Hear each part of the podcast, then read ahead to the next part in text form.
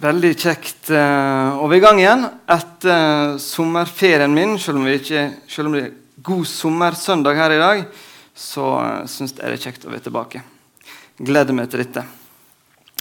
Eh, for å bedre forstå vår egen situasjon så hjelper det av og til å se på eh, en annen plass i verden som kanskje ligner litt.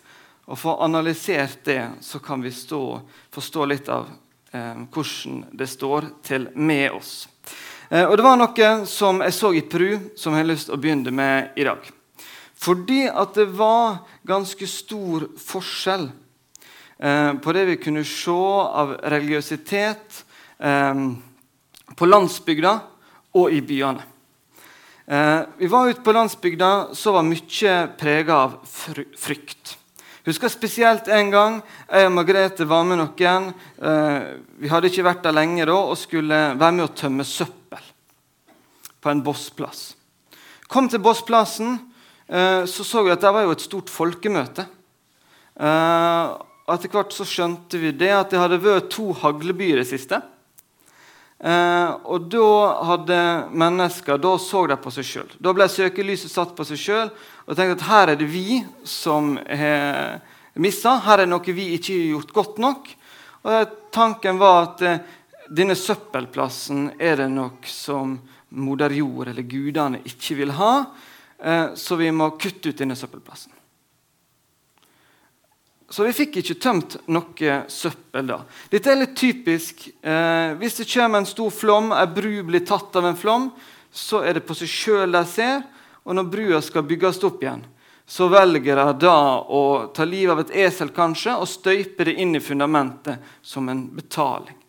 De lever i en frykt for at gudene ikke skal være fornøyd. I byene så var dette annerledes, og kanskje blant, blant yngre mennesker. Jeg fikk en, en god venn etter hvert som heter Lisandro. Kom fra en fin familie, var godt utdanna, hadde egen databedrift. Eh, når jeg snakka med han, så var dette jeg møtte på ute på landsbygda, ganske fjernt for han. Det var nesten sånn at han hadde problem eh, med å tro på meg. Men, men denne godt utdanna mannen som hadde denne databedrifta si Når det kom til 1. mai og feiring av skytshelgen til Arequipa, den storbyen som vi bodde i, eh, da var han med på det religiøse. Ikke i frykt for noen ting, men han var faktisk med på å gå 30-40 km gjennom ørkenen ut til denne eh, jomfrua, eller skytshelgen Chapi, som det har i Arequipa. Eh, grunnen til det er at hvis du viste nok tru gjennom å, å gjøre dette, her, så ville det mest sannsynlig gå enda bedre for databedriften hans i året som kom. Dette så vi, så vi, absolutt mye av. Jeg kan vise dere et bilde her. Eh, dette her er en, eh, på grensa mellom, mellom, Bolivia og Peru. Der er en sånn eh, helgen, skytshelgen som heter Mercedes. Hun er kjempegod på å velsigne biler. Så, så, hvert år reiser store deler av de som bor i, i sørlige deler av Peru, særlig taxisjåfører, til denne byen for å få bilen velsigna. Og, og, da er ikke det så mye frykt lenger. Det handler om at uh, unngå ulykker og få god inntjening på denne bilen. Uh, her er et bilde fra denne vandringa uh, til den skytshelgen utafor Arequipa. Sånn driver det altså på. Men du så en forskjell mellom by og landsbygd. Og så har jeg tenkt på eh, er ikke dette her, Det jeg opplevde i byene i Peru, ligner ikke det egentlig ganske mye på noe av det vi ser i Norge?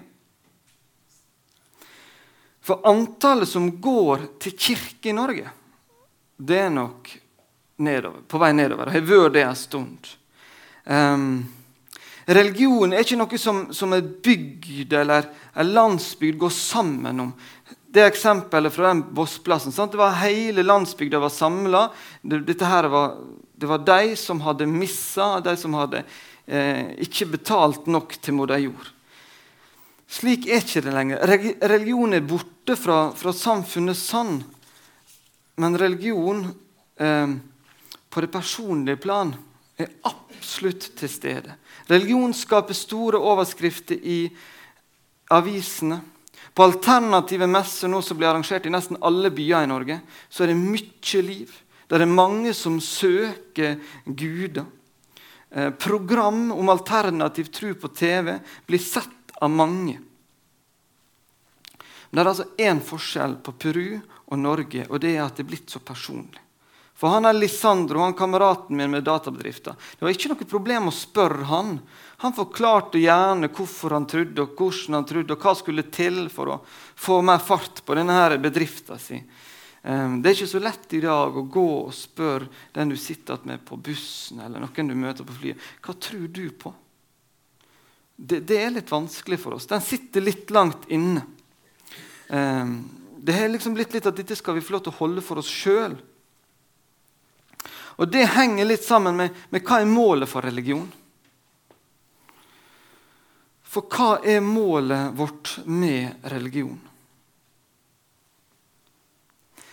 Mye av den religiøsiteten vi ser på disse alternative messene, som vi ser fra TV-program og kan lese om i ukeblad, det handler om hvordan jeg skal takle livet best mulig. Det handler om hvordan jeg skal være den som blir sett på den, som den populære på arbeidsplassen. Det handler om hvordan jeg skal være den som ruler på bursdagsfesten.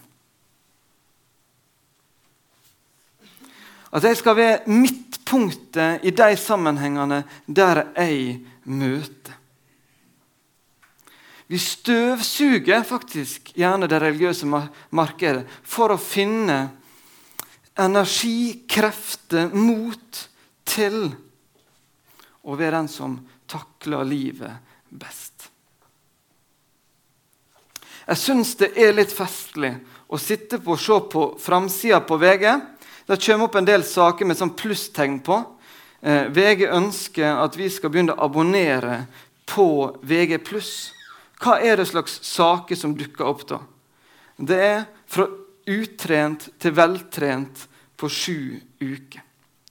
Det er den naturlige veien til mer testosteron. Det er slik blir du lykkelig. Det handler om meg det handler om hvordan jeg skal takle dette livet best mulig. Når jeg tenker på det her, så syns jeg at det, det ligner mye på noe som har skjedd før. Dette ligner mye på noe som vi finner i Bibelen. Det er ikke så ulikt det som Paulus møtte når han kom til Aten og vandra rundt i antikkens Hellas. Når han kom dit en gang før århundret, så var det dette her folket var opptatt av.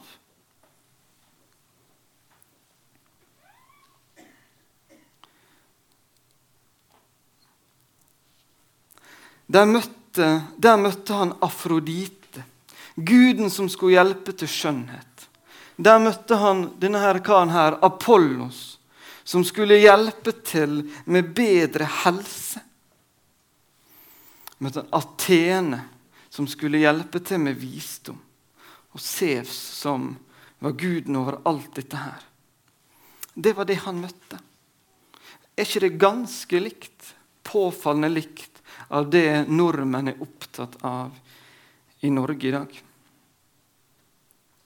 Vi skal lese sammen fra apostelgjerningene 17, 16-34. Ganske mange vers, men vi får prøve å, å, følge godt med, henge med. Mens Paulus ventet på dem i Aten, ble han rystet i sitt innerste over å se at byen var full av gudebilder. I synagogen førte han samtaler med jødene om dem, og dem som dyrket Gud. Og på torget snakket han hver dag med dem han traff der.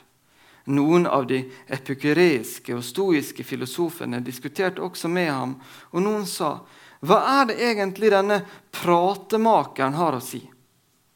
Men andre mente, Han er visst en som forkynner fremmede guder. Det var fordi han forkynte evangeliet om Jesus oppstandelsen. Da tok de han med seg og førte ham til Areopagos og sa:" Kan vi få vite hva slags ny lære du kommer med? For det er merkelige ting vi hører, og vi vil gjerne vite hva det egentlig dreier seg om. Verken atenerne eller utlendingene som bor der, brukte tiden til noe annet enn å fortelle og høre siste nytt. Da sto Paulus fram Areopagos, for og sa.: Atenske menn, jeg ser at dere på alle måter er svært religiøse. For da jeg gikk omkring og så på helligdommene deres, fant jeg et alter med denne innskriften for en ukjent Gud. Det som dere tilber uten å kjenne, det forkynner jeg dere. Gud, han som skapte verden og alt som er i den, han som er herre over himmelen og jord, han bor ikke i tempelet reist av menneskehender. Han trenger heller ikke, eh, trenger heller ikke noe av det som menneskehender kan tjene han med. Det er jo han som gir liv og ånde, ja, alt til alle. Av ett menneske har han skapt alle folkeslag. Han lot dem bo over hele jorden, og han satte fast tider for dem og bestemte grensene for deres område. Dette gjorde han for at de skulle søke Gud, om de kanskje kunne lete seg fram og finne ham. Han er jo ikke langt borte fra en eneste av oss, for det er i Han vi lever, beveger oss og er til, som også noen av deres diktere har sagt, for vi er Hans slekt. Fordi vi altså er Guds slekt, må vi ikke tenke at guddommen ligner et bilde av gull eller sølv eller stein, formet av menneskers kunst eller tanke. Disse tidene med uvitenhet har Gud båret over med. Men nå befaler han alle mennesker, hvor de enn er, at de må vende om, for han har fastsatt en dag da han skal dømme verden med rettferd, ved en mann han har utpekt til dette. Det har han bekreftet for alle mennesker ved å reise ham opp fra de døde. Da de hørte om oppstandelsen fra de døde, gjorde noen narr av ham. Men andre sa, 'Vi vil gjerne høre deg tale mer om dette en annen gang.' Så gikk Paulus fra dem. Men det var noen som sluttet seg til ham og kom til tro. Blant dem var Dionysios fra Areopagos-rådet og en kvinne som het Damaris, og noen andre. Paulus ble rysta i sitt indre av å møte dette religiøse mylderet i gudenes hovedstad, Aten. Dette gjorde inntrykk på han. Hva gir Paulus i møte med det her? Tenker han oi, her har ikke jeg noe å komme med. Uh, dette her, her har de tydeligvis nok å tro på. Her nytter det ikke å, å komme med mine tanker, det Jesus har gitt meg. Det sto faktisk at hver dag så gikk han på torget og diskuterte, fortalte om sin religion. Og torget, altså, det var der det skjedde. Du hadde ikke ett kjøpesenter én plass og ett kjøpesenter en annen plass. I, i Aten lå alt dette sammen. Du hadde rettslokale, du hadde bibliotek. Du hadde alt på én plass, på torget. Der skjedde businessen. Der gikk du for å få høre nyhetene. Alt på én plass. Der oppholdt Paulus seg. Og Så sier han til de atenske menn.: Jeg ser at dere på alle måter er svært religiøse, for da jeg gikk omkring og så på helligdommene deres, fant jeg et alter med denne innskriften. For en ukjent Gud. Paulus klarer på en framragende og respektfull måte å møte disse atenske mennene på. Møte dette livsglade folket. Han klarte å nå inn til dem med måten han snakka til dem på. Klarte han å vise dem inn på den veien han ønska å ha dem på. Det står, her, det står jo på slutten av teksten vår at det var noen av disse som, som kom med Bl.a. denne Dionysios. Han har faktisk altså samme navn som eh, vinguden. Og Det står at han var en del av dette rådet på Areopagos.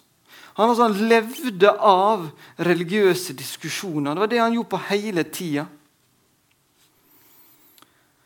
han blir faktisk med Paulus. Han velger altså å gå ifra denne jobben med å lede diskusjoner i et ja, vel av forskjellige guder, til å ville høre mer om en monotistisk gud.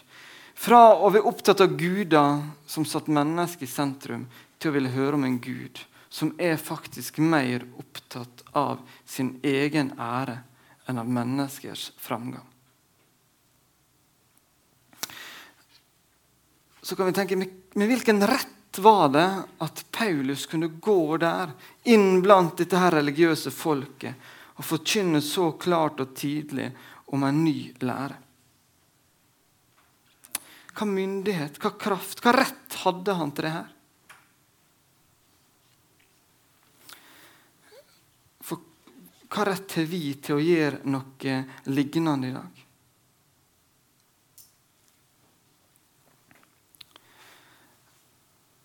Vi tror faktisk på en Gud som har skapt oss.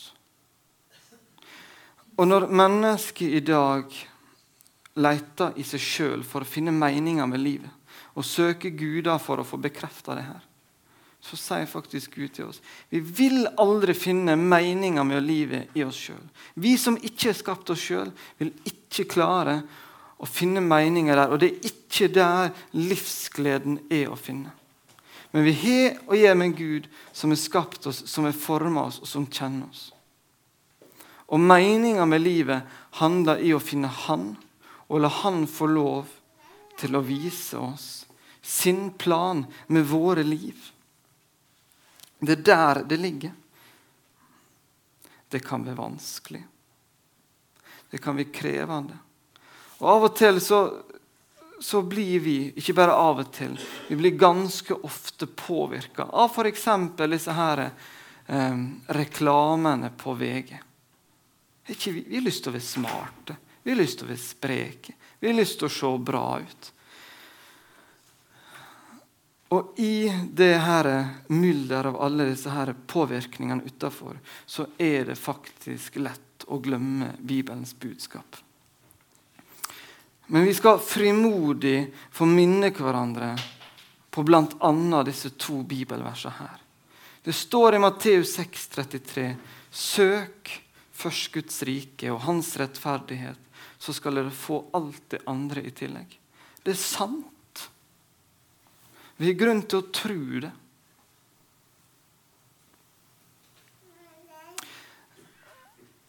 En ting som, som jeg har kjempa med i mitt liv, og som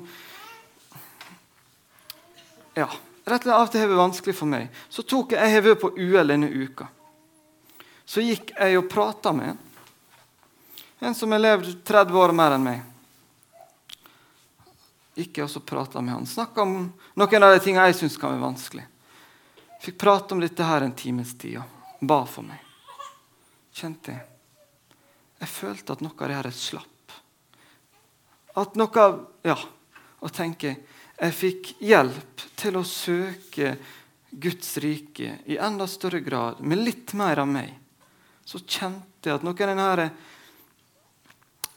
trangen til å være en del av gleden i denne verden, det fikk jeg lov til å få litt mer frihet fra. For det er sant, det her.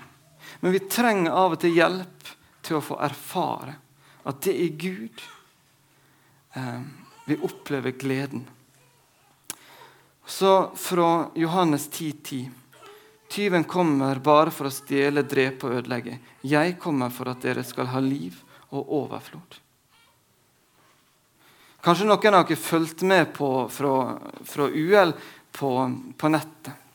Hun som hadde bibeltimen på torsdag, hun var litt innom dette her bibelverset her, og snakka om at det er ikke en overflod eh, av materiell rikdom, men det handler nettopp om den freden som Gud kan gi, og som ingen andre kan gi. Å få en overflod av liv. Gud har sagt til oss gjennom sitt ord at hvis vi er villige til å gi slipp på livet her på jorda, og på det livet her, så vil Han gi oss et liv som er veldig mye bedre. Det kan vi få lov til å oppleve og erfare ved å søke Guds rike først. Så jeg har jeg lyst tilbake til torget, der Paulus var. Fordi at han var flink der. Han var effektiv. Han opplevde å få med seg noen av de som var der på torget. På Areopagos, for Areopagos råd. Så kanskje både du og jeg kan tenke at vi lykkes ikke i så stor grad i møte med ikke-kristne mennesker. Vi syns det er vanskelig. Vi får ikke til og kommer ikke med de tingene vi burde ha sagt. Og vet du hva, Det er veldig vanlig for oss mennesker. Enten så har vi en tendens eh, til å bli så opprørt av det vi møter, eh, og kanskje reagere med litt sinne. At vi klarer ikke å kommunisere godt det vi skal. Eller så kan vi av og til bli så eh, overbærende at det budskapet vi kommer med, blir altfor platt og treffer ikke. Men Paulus fikk til det her. Og, og en, en, engelsk teolog som heter John Stott han sier at Grunnen til at Paulus var så flink her i Aten, det var at Paulus han så det Jesus så. Han hørte det Jesus hørte. Og han hadde den nøden for disse menneskene som Jesus hadde. Og så har jeg hørt på en, en amerikansk teolog som heter Timothy Keller. Han har tatt tak i dette her uttrykket 'rystet', som det står helt i starten av teksten. Paulus ble rysta. Eh, hvis vi går løs på gresken med det ordet der, så spennende å høre hvordan han legger det ut. Men han kommer fram til at det nærmeste han klarer å, å finne, det er en hellig sjalusi. Og Det er kanskje noe som er litt en motsetning for oss å snakke om en hellig sjalusi. Sjalusi er jo noe som står også i Bibelen som er synd. Å blande det inn med hellig kan eh, vi kanskje opplever som litt vanskelig. Men altså, det handler nettopp om det her, som, som John Stott også sier om Paulus. Det å, å se verden gjennom Jesus sine øyne. For når Paulus klarer å vise disse atenske mennene så stor respekt som han gjør Han møter jo der noe som helt gir han sjokk. Han har ikke sett noe sånt før. Men så klarer han å, å tiltale dem på en måte som gjør at de vil høre på ham. Han klarer å vise dem nok respekt, samtidig som at han har en sånn nød for dem. Det står i, i Korinterne 11,2 han, han sier til menigheten Korint at han vokter dem med Guds brennende sjalusi. Paulus klarte å, å hadde så nød for de mennesker som ikke hadde opplevd det han opplevde. At han klarte å vise dem respekt. Og så klarte han å fortelle dem om evangeliet. Og jeg tror faktisk at eh, der står vi, ja, vi I Misjonssambandet så er vi flinkere til dette her når det gjelder arbeidet utenfor Norge, enn i Norge. I møte med mye forskjellig slags rar religiøsitet rundt omkring i verden, så har vi tenkt vi har fått, vi har fått mot og tenkt ja, her trengs det misjon. Her trengs det slike som oss. Vi må drive misjon. Men jeg tror kanskje at her i vårt eget land, når vi har sett mennesker som lever langt vekk fra Jesus, så er vi oftere blitt fylt med motløshet og tenkt at det nytter ikke. Men denne teksten her forteller oss at vi skal få lov til å komme nærmere Gud. Be Gud om å hjelpe oss til å se det landet vi lever i, og verden utafor, gjennom Jesus sine øyne. At når vi Kanskje hører du en kommentar i lunsjrommet på jobben så du blir helt satt ut av. Kanskje sitter du og du setter et program på TV og tenker at Uff, denne verden her, altså, Det er helt forferdelig hva mennesker kan få seg til å gjøre. Disse her kjenner overhodet ikke Gud. Hvordan kan vi nå dem? Så skal vi få lov til å bli fylt av Guds, med Guds brennende sjalusi for disse menneskene. Nød for disse menneskene, så vi har en trang til å fortelle dem det budskapet vi har tatt imot. Gud står faktisk i dag, så kaller han på deg til å komme nærmere ham. En daglig åndelig fornyelse kaller Korinterbrevet. Gud ønsker at ditt hjerte skal dag for dag bli likere hans sitt hjerte. Slik at vi i større og større grad kan se de rundt oss med hans sine øyne.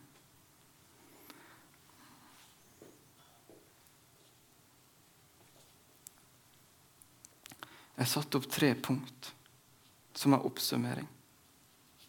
For det er færre som går til kirke. Men religiøsiteten i Norge den blomstrer. Folk søker guder som aldri før, men de leter på feil plass og med et feil grunnlag. Paulus han ble rysta over det som møtte han i Aten. Men han ble ikke motløs. Hans store nød hjalp han for å nå dem på en god måte, på en respektfull måte, og samtidig på en tydelig nok møte til at noen begynte å følge ham. Gud han ønsker oss nærmere, slik at vi skal få se mer av det Paulus så og Paulus har sett. Slik at vi kan få oppleve det samme uten et nitall inni. Kjære, gode, allmektige Gud. Jeg ber om at eh, vi må få lov til å se på, på dette landet vårt. Og for så vidt hele verden, slik som Paulus så på disse atenske mennene. Kjære himmelske Far, jeg ber om at vi må, vi må få komme på kne. Og så at vi må få nød for de vi møter rundt oss. Og så ber jeg om at du lar oss få se dette slik som du ser det, slik at vi, i likhet med Paulus, kan klare å møte mennesker rundt oss på en respektfull måte. Sånn at vi får kontakt. At vi ikke bare avfeier det vi ser, men at vi har forståelse for mennesker rundt oss. Og Samtidig så kan vi få peke på deg på en tydelig og klar måte, slik at de ser deg, den eneste levende Gud. Amen.